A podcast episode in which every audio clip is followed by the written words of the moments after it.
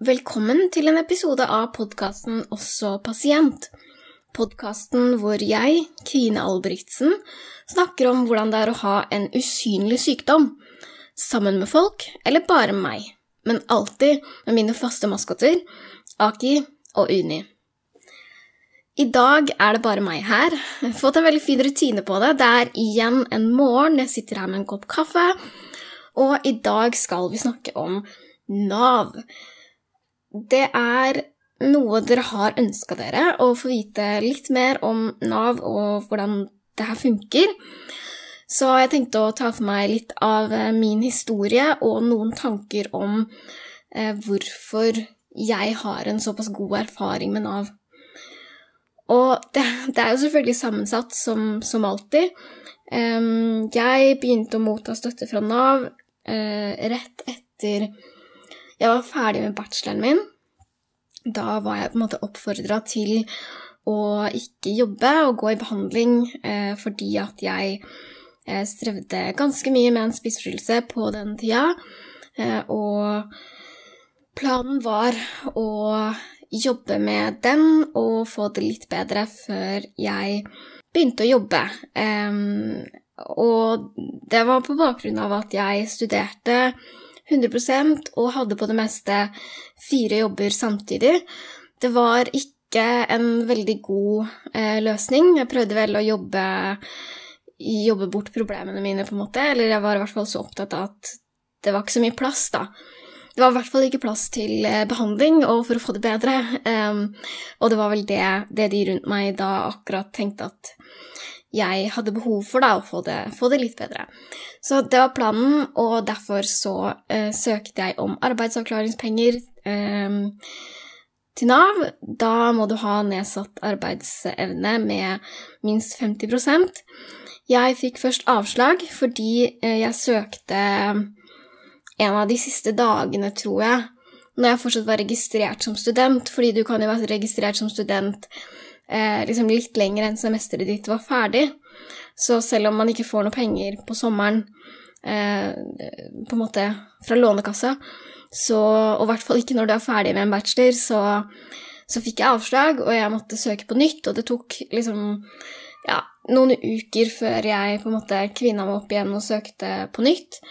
Jeg husker at jeg syntes alt var veldig nytt, egentlig. Det er byråkratisk språk, og jeg visste på en måte ikke helt hva mine rettigheter eh, var, men det er altså ikke så vanskelig å søke. Det er litt sånn mye greier til tider, eh, men, men, det meste går nå på nett, da. Eh, så hvis du går inn på nav.no, så, så skal det være mulig å find a way til å finne noen finne noen skjemaer, og du kan selvfølgelig eh, ringe de. Eh, ja, spørs jo litt hvem du møter på, men møter du på noen hyggelige, så, så får du jo hjelp, da. Så jeg fikk eh, AAP da, og da er det jo sånn at du skal jo avklares, ikke sant, for å se om du har arbeidsevne eller ikke, og eventuelt hvor mye arbeidsevne du har. I dag så er det sånn at man kan gå på det i tre år. Da jeg fikk AAP, så kunne man gå på det i fire år, eh, og så har de korta ned den eh, perioden. Så jeg hadde mulighet til å gå på det i fire år, mens de som begynner nå, de kan gå i tre år, eh, men de kan få forlenga hvis det er liksom særlige tilfeller. Og jeg vet ikke om det er sagt eksplisitt i podkasten tidligere, men vi har i hvert fall hatt gjester som har gått på AP veldig, veldig mye lenger enn tre eller fire år. Så her er det også mange muligheter. Jeg tror jeg hadde en litt spesiell vei inn i Nav, fordi jeg møtte aldri en saksbehandler, og det var eh, ikke pandemi, for å si det sånn. Men jeg snakka Eller jeg snakka med noen på telefonen, men jeg møtte aldri opp på Nav. Så da jeg hadde AP, så tok det vel kanskje Jeg tror det tok et år, halvannet kanskje, før jeg var på et Nav-kontor for første gang. For jeg hadde bare snakka på telefonen og sendt eh, legehenvisning og sånn, og jeg vet ikke hvor vanlig det er. Jeg tror ikke det er så vanlig, i hvert fall i, i mer sånn eh, eh, mindre tettbygde strøk, da, at det er liksom vanlig å møtes for å ja, for å se hvem man snakker med, antar jeg. Eh, og liksom vurdere situasjonen mer enn bare over telefon. Men sånn var det i hvert fall for meg. Og i starten så hadde jeg ikke så mye forhold til Nav. Eh, jeg fikk penger derfra, og jeg skamma meg over det. Jeg syntes jo ikke det var så kult å gå på Nav, og eh, ikke blir man rik av det. Og i tillegg så må de jobbe veldig mye med deg sjøl, fordi poenget er jo å bli friskere. Og jeg ville hele veien veldig gjerne tilbake igjen i jobb. Nå var det jo sånn at jeg var i eh, døgnbehandling ganske lenge. Så jeg var altså Jeg var i døgnbehandling lenge, og da kunne jeg jo ikke jobbe uansett, for da hadde jeg jo et opplegg 24 timer i døgnet. Men jeg tror i den perioden etter det så søkte jeg vel omtrent kanskje 100 jobber uten å få noe napp. Jeg hadde en helt fersk utdanning, jeg hadde litt variert erfaring, men jeg har jobba nesten siden jeg var 13 år. Um, men det var ikke noen app, og det viste seg å være vanskelig eh, for nyutdanna uansett, uavhengig om man er syk eller ikke, på en måte. Da hadde jeg nok et stort håp om å klare å jobbe 100% rett etter den døgnbehandlinga. Sånn ble det jo ikke. Um, og jeg gikk jo i annen poliklinisk behandling etter det. Um, og hadde på en måte hele veien et tett samarbeid med både psykiatrien og fastlegen, uh, og var litt sånn ja, jeg, jeg, hadde ikke så veldig mye forhold til Nav, egentlig. Hvis det var noe, så sendte jeg en melding på nav.no og fikk svar, og så kjente jeg egentlig ikke til saksbehandlerne mine så godt. Men så flytta jeg, bytta bydel, og i Oslo så er det sånn at hver, hver bydel har sine egne eh, Nav-kontorer. Og der merka jeg veldig stor forskjell, da. Eh, og det er jo bare for å presisere det, så er jo det min erfaring, så jeg kommer ikke til å si hvilken bydel jeg flytta til eller fra, fordi jeg tenker at det er helt forskjellig fra hvor man, hvor man bor, og hvem man møter, og at det er på en måte ikke sikkert at eh, den bydelen som jeg bodde i før, var noe særlig dårligere, egentlig, men at jeg hadde uflaks eller en saksbehandler som jobba mye, eller som eh, var ny, eller altså Man vet jo aldri hva som, hva som skjer.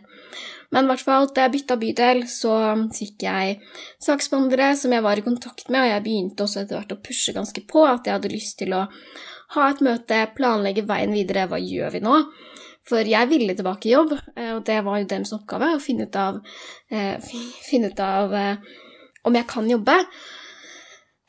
Og jeg var egentlig klar på hele veien at jeg ville det, så jeg begynte i et tiltak som heter utvida oppfølging jeg lurer på om det også heter utvida oppfølging i arbeid. Det er i hvert fall sånn at jeg fikk en, en jobbspesialist som jobber i Nav, som var et pilotprosjekt den gangen. Jeg vet at det fins mange jobbspesialister i f.eks. Fretex som jobber på en måte på, på oppgave eh, på bestilling fra Nav, da, eh, som skal hjelpe med å, å, å avklare. Men men min jobbspesialist eh, sin oppgave var å hjelpe meg med å finne en jobb, en ordinær jobb, ikke en praksisplass nødvendigvis, men det kunne være en helt vanlig jobb, og sjekke ut arbeidsevne og finne ut av hva mine styrker og svakheter var, og hvordan det her funka. Det tiltaket var jeg i, i jeg vil tro to, to år cirka, litt over to år. Um, og det var kjempenyttig, egentlig. Uh, selv om det ikke alltid var så fruktbart, så, så, lærte jeg veldig mye. Jeg ble veldig mye mer bevisst på, på hva, hva, jeg likte å gjøre, hva jeg hadde lyst til å gjøre. Uh, liksom hvor, hvor, skoen trykker for meg, da. Det er jo kanskje ikke noe overraskelse siden jeg jobba Nei, siden jeg studerte 100% og hadde fire jobber, at min, min, oppgave er på en måte å bremse da, og ikke gjøre for mange prosjekter. Det har jeg snakka mye om i den episoden om aktivitetsavpasning også, som heter 'Du kan ikke få til alt du vil'. Fordi det er på en måte litt klassisk meg, at jeg har så lyst, da, fordi at jeg er engasjert og jeg har lyst til å få til ting, um, som også er drevet delvis av dårlig selvfølelse, da, at jeg føler meg litt sånn ubrukelig hvis ikke jeg gjør noe som, som oppleves nyttig. Og da er det jo nødvendig å bremse og tenke at ok, men du må ikke få til alt det her. Og kanskje det er viktigere å gå i behandling og jobbe med rutiner, som så mange av eh, gjestene mine også har snakka om, at rutiner er Det er faktisk noe som, som ligger i det, altså å ha styr på, på livet. Jeg fikk et veldig veldig godt forhold til jobbspesialisten min, som, som jeg jobba veldig tett sammen med. Vi hadde kontakt hver eneste uke, uh, og jeg er veldig veldig fornøyd med det tilbudet. Jeg har riktignok bytta ganske mye saksbehandlere. Jeg vet at mange har hatt mange flere enn meg, men jeg tror jeg har hatt kanskje fem-seks saksbehandlere. Kanskje noen flere som jeg bare ikke visste om fordi at jeg ikke var i kontakt med de akkurat da, eller sånne ting. Men men jeg har egentlig en god erfaring, selv om det endte jo i at eh, jeg ble eh, ufør. Da hadde jeg jo vært i det her utvida oppfølging-tiltaket eh, i over to år. Jeg hadde jobba ganske lenge på et sted, og jeg hadde på en måte prøvd ulike jobber, og jeg hadde søkt veldig mange jobber og vært på veldig mange intervjuer. Jeg hadde vært på en praksisplass, og vi hadde på en måte øh, funnet ut um, Funnet ut av mye, da. Av hva jeg likte, og hva jeg kunne tenke meg å holde på med. Og jeg hadde aldri trodd at jeg skulle bli uh, ufør. Sånn, sånn, helt på ekte ikke. Jeg trodde ikke at det kom til å skje. Uh, selv om det var jeg som begynte å si sånn Nå må vi, nå må vi finne ut av det her. Uh, hva, hva skal skje? Og jeg visste at hun jobbspesialisten min skulle slutte, og jeg ville at hun skulle skrive en rapport om arbeidsevnen min fremfor en ny en som jeg da hadde kjent bare i noen måneder i så fall, fordi at perioden min med arbeidsavklaringspenger uansett gikk ut. Så det, det, var egentlig Åh, det er kjipt å snakke om, egentlig, men, men jeg merker jo at eh, Eller jeg, jeg, husker at jeg trodde ikke at det kom til å skje. Jeg trodde ikke at jeg kom til å bli ufør, da, at noen skulle si at du har ikke arbeidsevne. Um, og jeg vet jo at det er fordi at nå har jeg jo tid, da. Jeg har tid til å jobbe med meg selv og med rutiner og, og ting jeg liker, og for å få det bedre. Og uh, ja, det var veldig bra. Det var nyttig for meg. Og jeg var uh, egentlig nesten bare letta da, da jeg fikk det vedtaket, fordi man hører jo veldig mye om at det er veldig vanskelig, og det tar veldig lang tid. Og jeg tror uh, jeg hadde en veldig, veldig rask saksbehandlingstid. Det tok bare en måneds tid fra jeg søkte om å bli ufør til jeg fikk den innvilga, som jeg tror betyr at jeg hadde en veldig eh, god eh, sak, da, eller en god søknad, som gjorde at det på en måte var veldig klart for de som skulle behandle den søknaden, hva som var utfallet her, og det er nok fordi at jeg har prøvd veldig, veldig mye. Um, jeg vet at mange syns at det er skikkelig kjipt, og at det er skikkelig dritt å måtte prøve ut veldig mye, men jeg har vært veldig engasjert på det selv, og jeg tror at det er en av årsakene til at det har gått såpass smooth for meg gjennom Nav-systemet. Så det var en liten um, det, var, det, var, på en måte et sammendrag av historien min. Jeg begynte på AP eh, rett etter bacheloren min. Da var jeg 21 år gammel. Gikk på AP i nesten fire år, i hvert fall tre og et halvt, og ble ufør da jeg var eh, 24 år gammel. Fikk av alle ting innvilga uføre, 100% uføretrygd fra og med bursdagen min. Uh, det var Ja, det var en lettelse, men det var et ekstremt antiklimaks også å sitte der på bursdagen min og tenke at ok, fra og med i dag så er jeg 100 ufør. Det, det, var en litt absurd følelse, egentlig. Um, ja, veldig rart å tenke tilbake på nå. Også fordi at jeg visste jo ikke helt hvordan hverdagen skulle bli. Um, og det var det jeg tenkte jeg skulle si litt om, da. Litt om på en måte min, mine tanker om det å gå på Nav. Men først så tenkte jeg skulle si litt om hvorfor jeg tror at det har gått bra for meg. Og når jeg sier at det har gått bra, så mener jeg at jeg har hatt eh, flest gode opplevelser.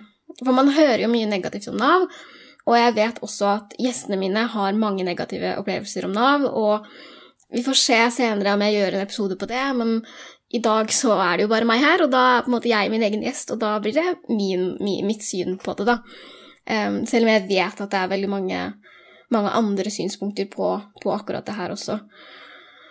Og jeg tror en del av det som gjorde at jeg har klart meg bra, er at jeg har veldig mye pågangsmot. Jeg søkte AP ganske motvillig, men fordi jeg skjønte at når jeg skulle inn på en planlagt døgnbehandling, så kunne jeg ikke jobbe. Eh, når du er innlagt eh, på sykehus, så er det jo sånn at du kan ikke Du kan jo ikke holde en 100% jobb uansett, og jeg hadde ikke en jobb å sykemelde meg fra. For akkurat da så var jeg heller ikke i jobb, og da er det jo klart at da, da på en måte var jo arbeidsevnen min nedsatt 100% uansett hva jeg gjorde, i den perioden jeg var innlagt. Så det tvang seg på en måte frem at jeg måtte, måtte søke, fordi at jeg måtte jo ha noen penger å overleve eh, av. Um, og det var kanskje Det var kjipt, det, å vente til de pengene faktisk kom, for det tar jo tid med saksbehandling og sånn, men, men det ordna seg. Og det er jo også en sånn gjenganger at jeg har veldig mye pågangsmot. Jeg vil, jeg er engasjert, jeg vil mer enn jeg får til. Og det er på en måte en litt sånn eh, drømmeklientsituasjon for de på Nav, da.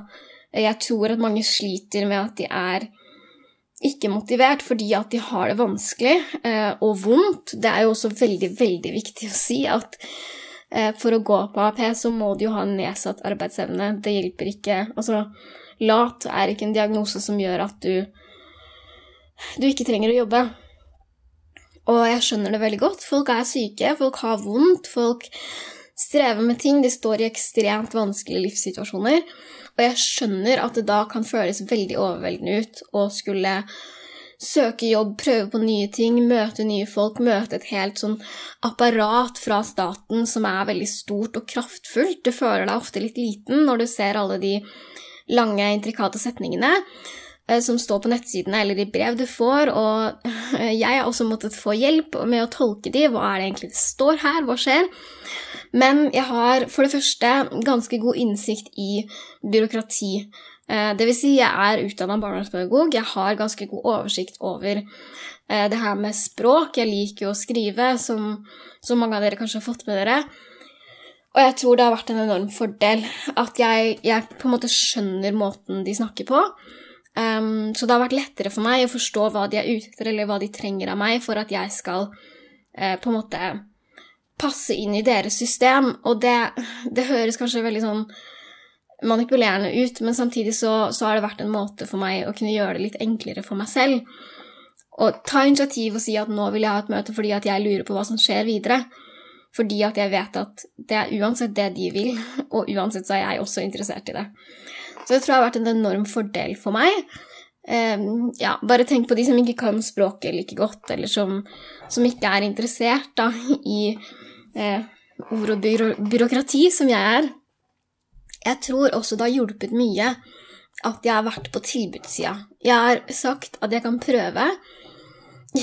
Jeg har riktignok sagt nei til et eh, forslag om å jobbe i ballongbutikk. Da satte jeg ned foten og sa at nei. Det, dere kan, altså, vi kan gjøre mye rart, altså. Jeg, jeg skal være åpen for ting, men, men et sted går grensa, på en måte. Og det, min grense var tydeligvis på ballongbutikk, da. Da satte jeg ned foten og tenkte at det det er ikke det jeg skal gjøre i livet. Um, og så har jeg hatt flaks, uh, fordi at jeg har tatt initiativ, og jeg har hatt lyst til å gjøre ting og prøve ting, og jeg har på en måte spurt og, og etterspurt mye av det jeg tror at de kan hjelpe meg med. Uh, men jeg har også hatt enormt flaks med kjemi med de jeg har møtt. Det vet vi jo litt fra, fra å gå i terapi, f.eks. Uh, når man går i behandling, så har psykologen din ekstremt mye å si. Selv om en klok dame jeg kjenner, har sagt at uansett hvordan psykologen din er, så kan du ta med deg noe ut av den relasjonen. Nesten alltid. Og det er jeg enig i. Tok meg noen år å innse, men jeg er enig i det. Men det var en enorm fordel at jeg og hun jobbspesialisten min hadde et veldig godt forhold. Eh, og det er nok ikke nødvendigvis så, så vanlig, men da vil jeg jo bare oppfordre også til å bytte kontaktperson, i hvert fall undersøke da, om det er mulig, eh, fordi at det har veldig mye å si for, for, veien videre, da, fordi at du er jo veldig avhengig av systemet. Um, jeg har vært heldig som har hatt flinke folk som har vært på, måte, på min side, som, som, jeg har trodd på at ville mitt beste. Uh, og det, det, tror jeg på en måte er viktig, da. Uh, at deres, du og Nav skal jo være et team for å finne ut av hvordan man kan løse situasjonen. Enten situasjonen går til at du blir ufør, eller delvis ufør, eller at du kan gå tilbake igjen i jobb når du har fått behandling og blitt friskere hvis du er syk på en sånn måte som, som gjør at det er mulig, da. Så det har liksom vært to ting. Det har vært eh, at jeg på en måte liker i hermetegn byråkrati, og at jeg har møtt personer som jeg går godt overens med. Jeg tror jeg har vært helt avgjørende for at min, min vei gjennom Nav de åra jeg har vært der, har vært eh, gode. Og litt om når du blir ufør, så Altså, det er mange myter om det å bli ufør, altså. Eh, jeg tror folk tror at jeg ligger hjemme på sofaen hver dag og ser på Netflix og koser meg. Og noen ganger så ligger jeg i senga eh, og hører på podkast fordi at jeg ikke orker noe annet, fordi at jeg er så sliten. Og jeg er så, på en måte, det er så for mye for meg da, eh, å skulle få hverdagen min til å gå rundt. Og det er ikke særlig kos. Eh, jeg ville mye heller vært ute på en jobb og gjort noe nyttig og vært ute med venner eller hatt overskudd til å gå en lengre tur med hundene mine, som jeg snakka om i episoden med, om det å ha dyr når man er syk. Så det er eh, Det er faktisk ganske vanskelig for meg å liksom slappe av og kose meg med det, fordi at jeg ofte slapper av eh, når jeg er så sliten da, at jeg ikke har noe annet valg, og det er heller ikke så veldig avslappende ofte, for da er jeg ofte stressa og har dårlig samvittighet og sånne ting. Så, så nei, jeg ligger i hvert fall ikke på sofaen og ser på Netflix og koser meg med det hver dag. Men det er også sånn at um, når man er ufør, så kan man jobbe så mye som uh, man vil og kan. Jeg er i en liten stilling uh, nå, på noen prosent, og det er sånn at du kan jobbe så mye du vil. Uh, det eneste som skjer, er selvfølgelig at du blir trukket i uføretrygd, på samme måte som man får mindre, mindre stipend, på en måte, da, hvis du jobber for mye når du er student. Det skjedde jo også meg. Jeg tjente for mye penger fordi jeg jobba for mye ved siden av. Da får du mindre stipend. Og du får selvfølgelig mindre uføretrygd når du jobber og får lønn for det. Det er selvfølgelig over en, en viss grense, eh, ofte på eh, Det er ofte på, på, en eller annen sats av en, en, G, da, så G er grunnbeløpet, og jeg tror 1 G er 100 000 ca., og nå, nå, kan man tjene inntil 0,4 G, da, så det er 40 000 ca. før man begynner å bli trukket i uføretrygd. Og jeg har eh, minstesats ung ufør. Uh, ung ufør er et tillegg man får hvis man blir syk før man er 26 år. Det var jo ganske lett for meg å få innvilga, ettersom at jeg ble ufør da jeg var 24. Og da får man litt høyere sats enn bare minstesats ufør, fordi at man har tapt um, muligheter til å på en måte, få en karriere og jobbe seg oppover og tjene mer i lønn, da. Fordi du har jo da tapt på en måte veldig, veldig mange år med med arbeidskraft eh, på en måte, og ansiennitet, da. Så det er sånn at du kan jobbe 100% i fem år i strekk, og da er det noen som kommer og spør. De kommer ikke på døra, da, jeg tipper at de sender et brev eller noe. På Diggepost sikkert. Eh, og så sier de 'Hei, vil du fortsatt være ufør? Er du fortsatt ufør?' Og så kan du si ja eller nei, og da får du fem år til. Så du kan jobbe 100% ti år i strekk før uføretrygden din bortfaller. Da kategoriserer de deg ikke som ufør, hvis du har klart å stå i jobb i ti år. Og eh, sånn jeg har forstått det, så er det sånn at hvis du har en pause inni de ti åra Hvis jeg jobber i fire år, da, 100% og så har jeg to år hvor jeg er syk og ikke jobber, jobber 0% så begynner de ti nye åra å løpe på toppen av det. Så da trenger du ikke jobbe seks år før noen kommer og sier hei, hei, nå trenger ikke du den uføretrygden din. Og da mener jeg ikke i penger, fordi hvis du jobber 100% så vil du jo få antageligvis null utbetalt, ikke sant, men, men du har jo likevel en status som 100% ufør, da. Så det er i hvert fall sånn jeg har forstått det, og derfor så er jo jeg litt i jobb nå for å mm, prøve meg fordi at jeg ikke klarer å bremse, og fordi jeg fikk en, en enorm mulighet som jeg måtte si ja til, eh, som jeg er kjempeglad for at jeg sa ja til det er jo også på en måte det som er fint, at nå har jeg faktisk en trygghet i bunn. Jeg får betalt regningene mine. Eh, ja, jeg har et fargekoordinert budsjett, og det er jo ikke Man blir ikke rik, men det går på en måte rundt, da, så vidt. Og det gjør at jeg har muligheten til for det første å ha den økonomiske tryggheten i bunn, at jeg får betalt regningene mine, men også at jeg kan prøve ut, sånn som nå, å jobbe lite grann, eh, eller å lage podkast, da selv om det ikke er betalt. Så, så kan jeg på en måte prøve meg på det eh, uten at alt raser sammen. Og det er ikke sånn at jeg er avhengig av å fortsette å gjøre det. Jeg kan ta et steg tilbake og si at ok, det funka ikke, nå strakk jeg strikken for langt, det går ikke, og så ta det derfra igjen, da. Så for meg så er det en enorm sånn eh, frihet og trygghet eh, på en måte som bunner i en helt 100 nødvendighet, da, fordi det hadde ikke gått uten. Da hadde jeg ikke hatt tid eller mulighet til å ivareta eh, meg selv, og det hadde ikke vært bra for noen. Um, og det er på en måte I et langvarig perspektiv da, så tror jeg det er bedre at jeg har muligheten til å tilpasse det eh, litt, enn å skulle brenne alt kruttet, si de første to åra etter bacheloren min, og så ja, vet man jo ikke hva som hadde skjedd, på en måte. For meg så er det sånn at jeg har ikke møtt noen som går på Nav som ligger hjemme på sofaen. For det første så er det jo utrolig mange krav fra Nav da, som man hører om som, som ikke har vært noe problem for meg, men det er jo mange sånn oppmøter med eh, med kurs og sånn. Jeg har ikke vært på så mange sånne kurs, så det er mye av de her tinga som folk syns er veldig strevsomt med Nav, som jeg heller ikke nødvendigvis har prøvd, eller i hvert fall ikke over veldig lang tid, eh, fordi at det har blitt vurdert at det ikke har vært aktuelt, da. Men det er mye kurs, aktivitetsplikt, du må ha en aktivitet, eh, aktivitetsplan. Eh, min består selvfølgelig av behandling, jobbsøking, arbeid med jobbspesialist. Eh, alle de tinga her. I tillegg til behandling i psykiatrien, da. Og det er krav. Du må sende inn meldekort hver andre uke. Så må du skrive opp hvor mange, ting, hvor mange dager du har hatt aktivitet, hvor mange timer du har jobba om du har fulgt aktivitetsplanen, om du har vært i Norge eller ikke. Så det er mange ting å passe på, og jeg tror eh, ikke det er eh, Jeg tror ikke du vinner noe på det, da. Hvis du bare skal være lat og ligge hjemme, så tror jeg at det likevel er såpass mye stress. Å skulle få lurt seg unna den aktivitetsplikten og fylle ut meldekort og på en måte komme unna med det, så jeg tror rett og slett ikke at det Jeg tror det gjelder de færreste, da. Men jeg tror at de ødelegger eh, for alle oss andre som er syke, og prøver så godt vi kan å få livet og hverdagen til å gå rundt. Så det var litt om eh, min eh, Nav-historie. Jeg har jo som sagt veldig mange gode erfaringer. Og nå når jeg er ufør, så er det jo egentlig ingenting jeg trenger å forholde meg til Nav. Jeg kan sende en melding og spørre om jeg lurer på noe, men betalingene går automatisk. Det er ingen, eh, ingen eh, meldekort. Veldig deilig å slippe.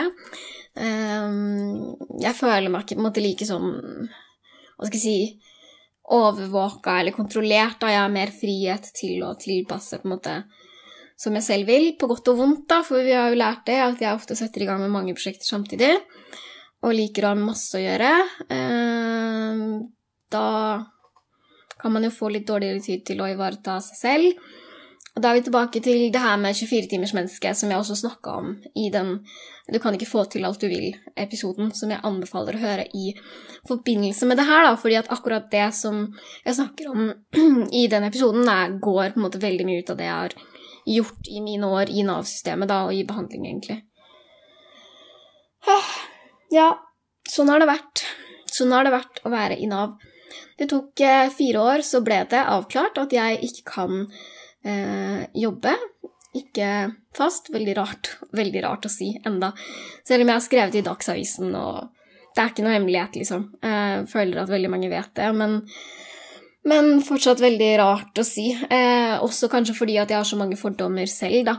Det er veldig, veldig rart både å skulle si at jeg er en av eh, dem, og ikke tenke på de andre naverne som noen andre enn meg, for jeg er jo en del av det, eh, og jeg tror at det håper jeg også noe dere har tatt med dere fra podkasten, at veldig mange av de som jeg har snakka med, har enten vært innom Nav, går på Nav, er uføre, går på AP, prøver å finne ut av denne arbeidsevnen sin. Og vi er bare helt vanlige folk. Altså, akkurat nå så, så, går jeg på jobb, og jeg er ufør, og det høres kanskje rart ut, men systemet er faktisk lagt opp sånn at det skal være mulig å jobbe når man kan og har muligheten. Og jeg vil heller ha muligheten, selv om jeg føler at de lukker opp døra og sier sånn Men er du egentlig så syk at du ikke kan jobbe? Fordi du har jo muligheten til å tjene mer penger.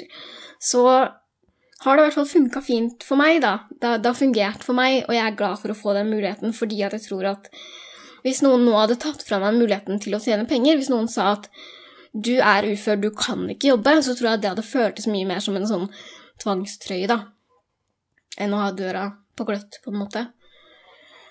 Så det er vanskelig, det er med fordommer, men jeg tror jo at det er hele kjernen i podkasten, eh, som jeg sikkert har sagt mange ganger nå, at ah, det er jo nettopp det. Jeg er en del av de som går på Nav. Jeg går på Nav, jeg er ufør, og jeg anser meg selv som et ganske på en måte vanlig menneske. Jeg tror ikke noen går på butikken og ser meg på butikken og tenker 'Å, herregud, hun der Hun er naver. Hun ligger bare hjemme på sofaen og ser på Netflix og koser seg', selv om det er veldig mange som tror det om, om såkalte navere, da. Men det er jo nettopp sånn det er. Altså, folk Jeg tror ikke folk går rundt og tenker at jeg er en skattesnylter. Jeg tror folk syns det er ganske rart når jeg sier at jeg er ufør hvis ikke de kjenner til noe av min problematikk fra før av. Så du kan ikke se det på meg, og som veldig mange andre i podkasten også sier, jeg er ute når jeg funker, og da klarer jeg på en måte å, å ta meg sammen, eller så har jeg det bra til at det går fint. Altså, jeg tror det er det som på en måte gjør at jeg har lyst til å lage denne episoden her også, fordi at jeg er en av de. Og det er rart for meg, og det er kanskje rart for andre, og så tror jeg at vi alle må innse at Men det er ikke Det er ikke at jeg er en rar del av de andre som ligger på sofaen. Vi er alle bare folk som er syke eller har en skade som gjør at vi ikke kan jobbe. Og så gjør vi det beste ut av det. Og jeg tror det er på en måte ikke sånn at jeg er noe annerledes enn de. Jeg tror jeg er en en OK representant for de som mottar støtte fra Nav, da, at man ikke vet hvem det er, man ser det ikke på de, og, og Ja, jeg tror eh, tror det er nå hele poenget, da.